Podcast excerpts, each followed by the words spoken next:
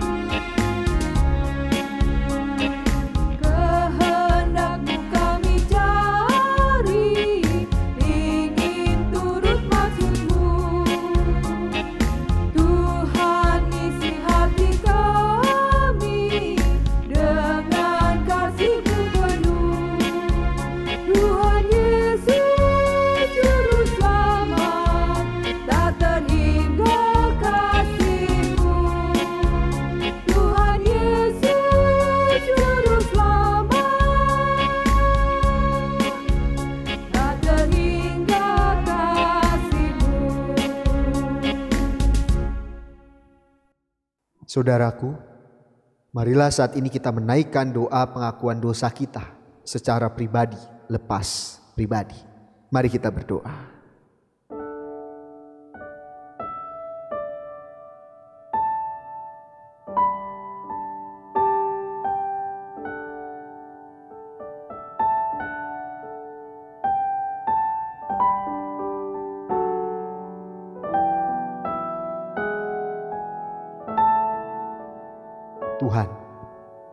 Ampunilah atas dosa-dosa yang telah kami perbuat.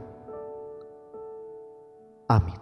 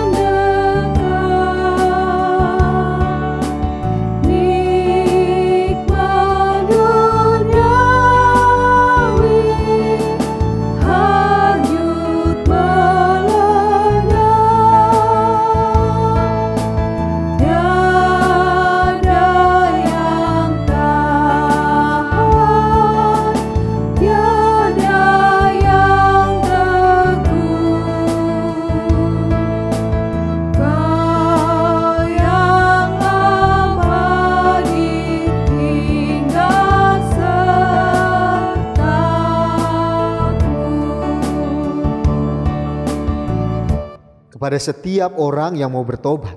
Berita anugerah diberikan kepada setiap kita yang terambil dari 2 Korintus pasal yang kelima ayat yang ke-17. Jadi siapa yang ada di dalam Kristus, ia adalah ciptaan yang baru. Yang lama sudah berlalu, sesungguhnya yang baru sudah datang. Demikianlah berita anugerah dari Tuhan.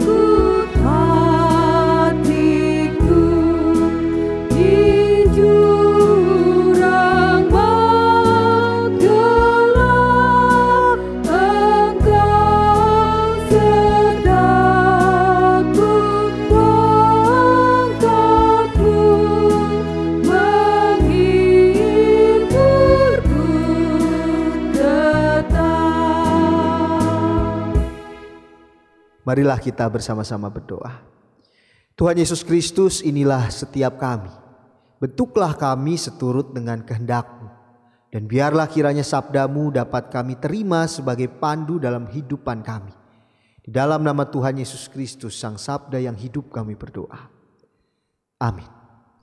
Bacaan kita pada hari ini diambil dari Mazmur 23. Mazmur 23 menjadi bahan bacaan kita bersama. Tuhan gembalaku yang baik. Mazmur Daud. Tuhan adalah gembalaku, takkan kekurangan aku. Ia membaringkan aku di padang yang berumput hijau ia membimbing aku ke air yang tenang. Ia menyegarkan jiwaku. Ia menuntun aku di jalan yang benar oleh karena namanya. Sekalipun aku berjalan dalam lembah kekelaman, aku tidak takut bahaya sebab engkau besertaku. Gadamu dan tongkatmu, itulah yang menghibur aku. Engkau menyediakan hidangan bagiku di hadapan lawanku. Engkau mengurapi kepalaku dengan minyak pialaku penuh melimpah. Kebajikan dan kemurahan belaka akan mengikuti aku seumur hidupku. Dan aku akan diam dalam rumah Tuhan sepanjang masa. Demikianlah firman Tuhan. Yang berbahagia adalah bagi setiap kita yang mau bersama-sama mendengar dengan baik, memelihara dalam hati kita dan dengan penuh sukacita melakukan dalam kehidupan kita hari demi hari. Haleluya. Gembala yang baik. Saudara, Bacaan kita hari ini sudah dengan jelas dan terperinci menggambarkan seperti apa itu Tuhan kita. Daud sebagai seorang gembala, ia sangat paham akan tugasnya sebagai seorang gembala. Dan dengan pengalamannya itulah Daud menggambarkan sosok ideal dari seorang gembala. Tidak lain adalah Tuhan itu sendiri. Tuhan digambarkan sebagai gembala yang baik kepada kawanan dombanya Bahkan penggambaran yang seperti ini pun juga dapat kita temui di beberapa bagian dalam Alkitab. Baik itu perjanjian lama maupun juga perjanjian baru. Bahkan gembala yang baik ini di salah satu bagian Alkitab dikisahkan siap dan rela mencari setiap domba-domba yang tersesat sekalipun. Sungguh luar biasa Tuhan yang kita percayai. Ia digambarkan sebagai gembala yang baik, bahkan amat sangat baik. Saya yakin kalau setiap kita sudah sangat paham akan gambaran Tuhan sebagai gembala yang baik. Kita tahu apa yang dilakukan oleh sang gembala yang baik kepada kawanan dombanya. Lalu yang akan kita pelajari dalam perenungan kita di minggu Paskah keempat ini adalah tentang bagaimana peran kita sebagai kawanan domba dari sang gembala yang baik. Sudahkah kita juga menjadi domba-domba yang baik selama ini? Ada lima poin dari Mazmur 23 yang akan menjadi perenungan kita bersama. Poin yang pertama, Mazmur 23 dibuka dengan sebuah kalimat yang sangat indah yang biasanya kita nyanyikan.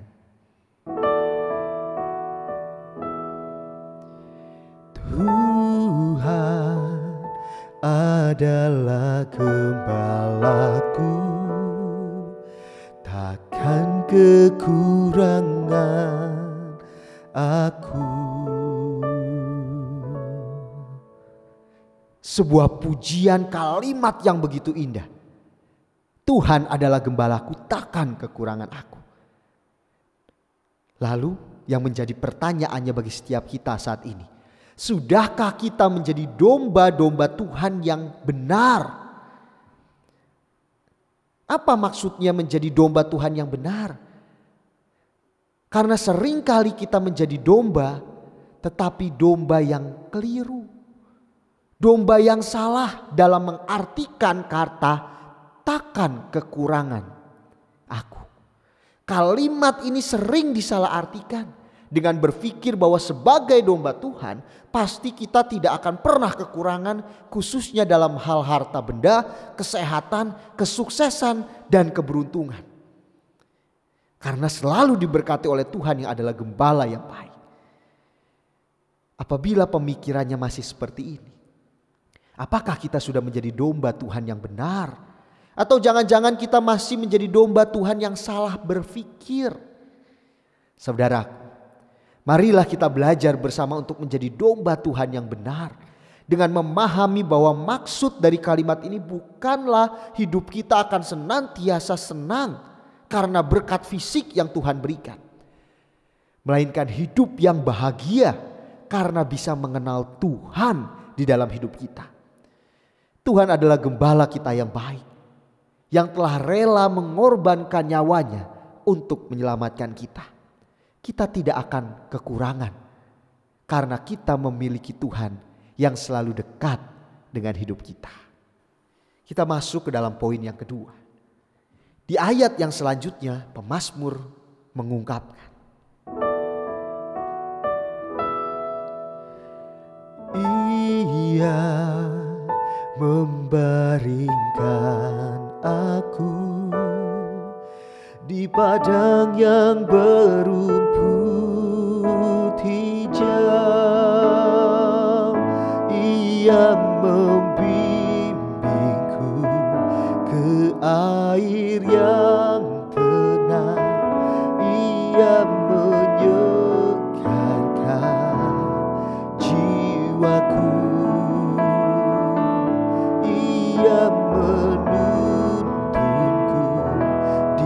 jalan yang benar oleh karena namanya.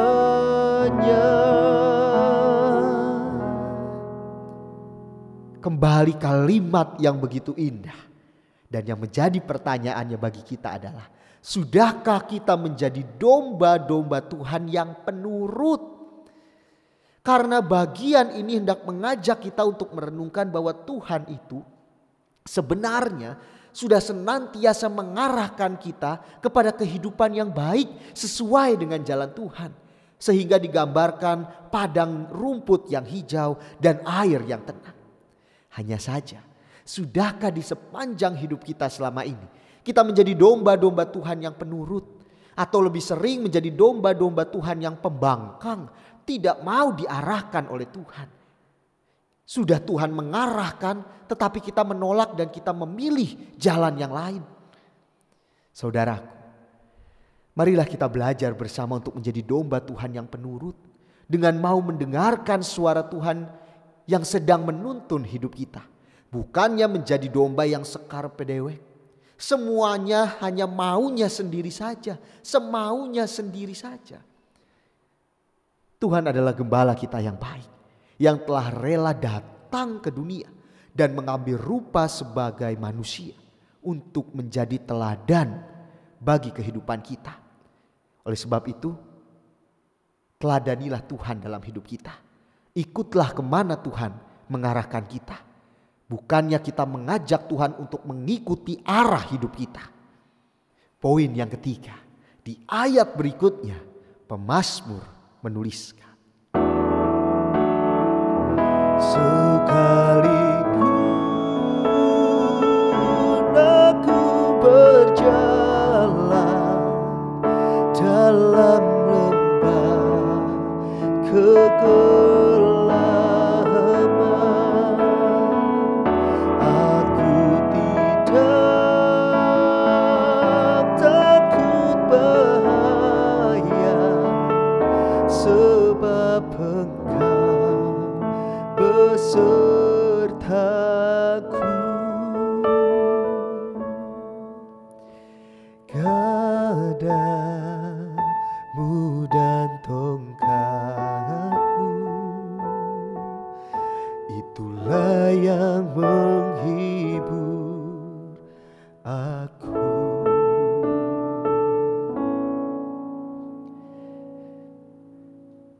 dengan kalimat yang indah.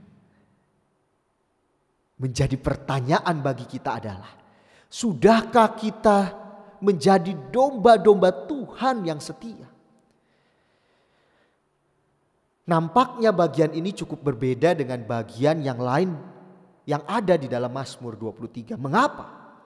Karena di tengah penggambaran yang baik-baik, penggunaan kalimat yang baik-baik tiba-tiba ada kalimat yang cukup menakutkan.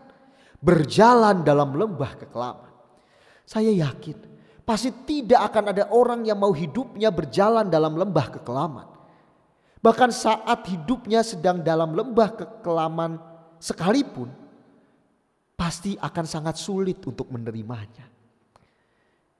Namun kehidupan itu seperti roda yang berputar Lalu saat hidup kita sedang berada dalam lembah kekelaman, apakah kita tetap menjadi domba Tuhan yang setia? Atau menjadi domba yang melarikan diri dengan cara mengeluh, dengan cara menghujat Tuhan, dengan cara mempersalahkan Tuhan atas setiap pergumulan pergumulan kita. Saudaraku, marilah kita belajar bersama untuk menjadi domba Tuhan yang setia. Dengan tetap berjalan bersama Tuhan walau hidup penuh dengan pergumulan. Bukannya menjadi domba yang curang, yang hanya mau ikut kalau enak saja, kalau tidak enak tidak mau ikut. Tuhan adalah gembala yang baik, gembala kita yang baik, yang telah memberikan kepada kita Roh Kudus untuk menguatkan saat kita dalam lembah kekelaman sekalipun. Oleh sebab itu belajarlah untuk menjadi domba-domba Tuhan yang setia. Setia berjalan bersama dengan Tuhan. Bahkan dalam lembah kekelaman sekalipun. Poin yang keempat. Dalam ayat selanjutnya. Pemasmur mengungkapkan.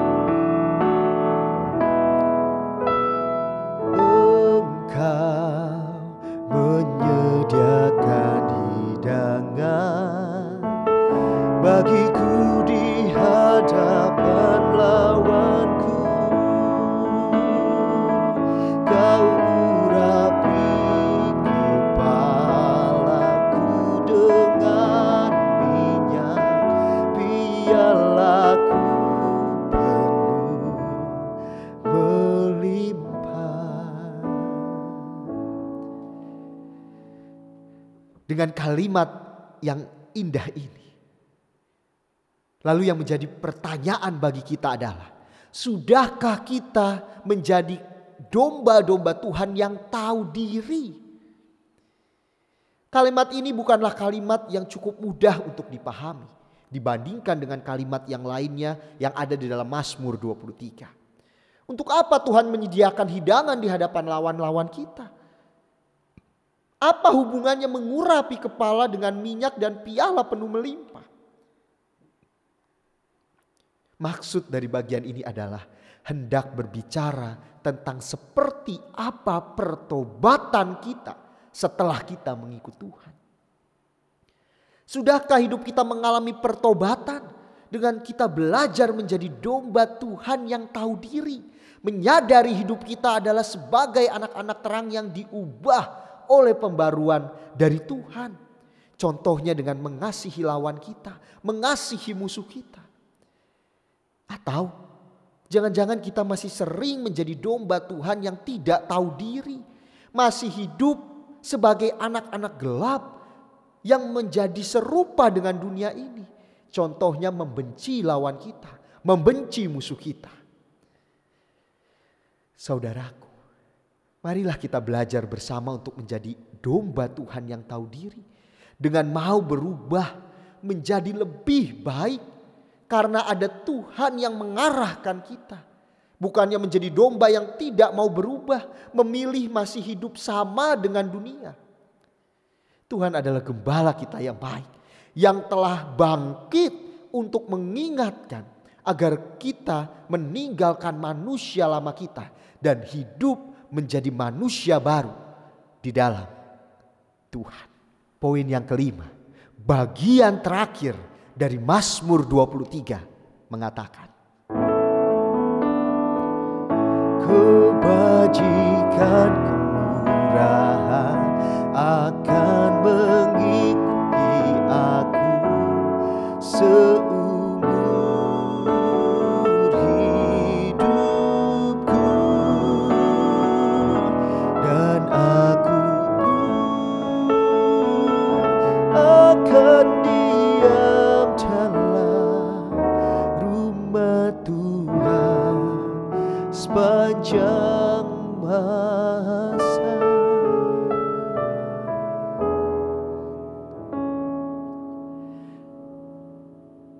Lalu yang menjadi pertanyaannya bagi kita adalah, sudahkah kita menjadi domba-domba Tuhan yang berpengharapan? Bagian ini adalah sebuah kalimat pengharapan dari pemazmur. Mengapa pemazmur menutup Mazmur 23 ini dengan kalimat pengharapan?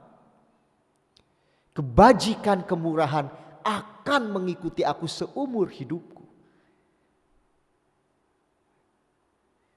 Harapan adalah alasan bagi kita untuk dapat tetap bertahan dan melangkah maju melewati setiap tantangan kehidupan.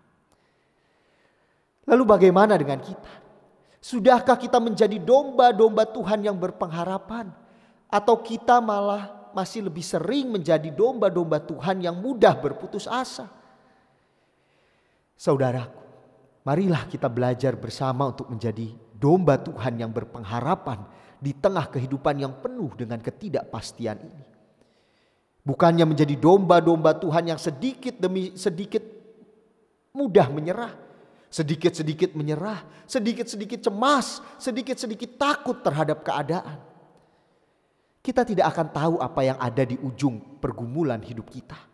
Kita memang tidak akan pernah tahu kapan pergumulan hidup kita berakhir. Karena memang bukan urusan kita untuk menghitung dan menerka-nerka itu semua. Kita hanya perlu berharap bahwa Tuhan tetap berkuasa. Karena dia sudah sedang dan akan terus berkuasa atas hidup kita. Tuhan adalah gembala kita yang baik, yang telah berjanji untuk selalu menyertai saat kita menjalani kehidupan ini.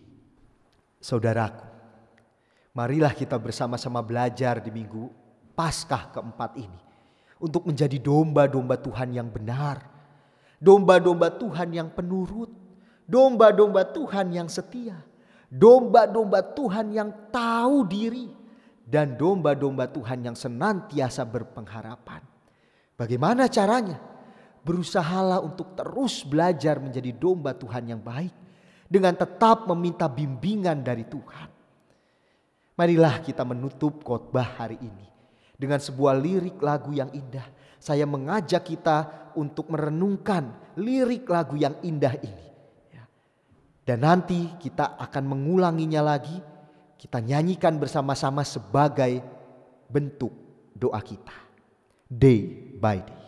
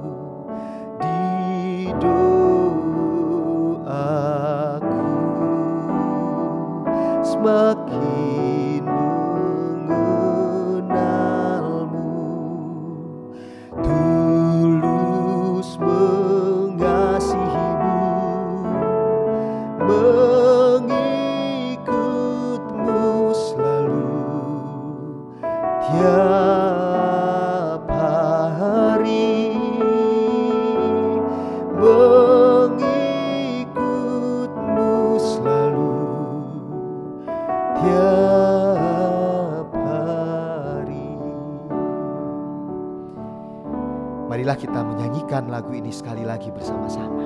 Saya mengajak kita menyanyikan lagu ini dalam sikap doa. Karena lagu ini adalah sebagai bentuk doa kita kepada Tuhan. Meminta bimbingan dari Tuhan. Agar kita dibimbing menjadi domba-domba Tuhan yang baik.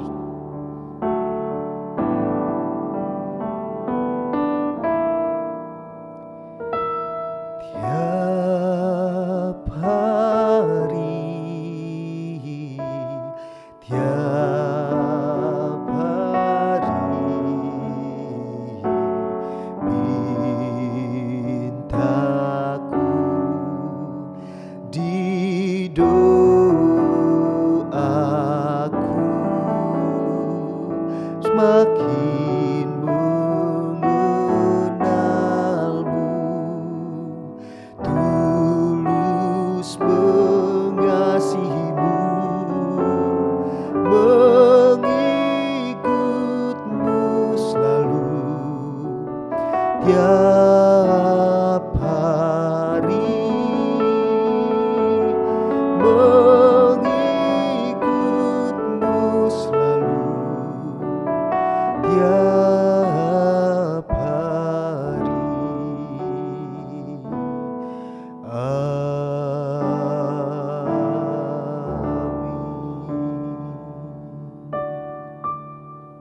Saat hening bagi kita.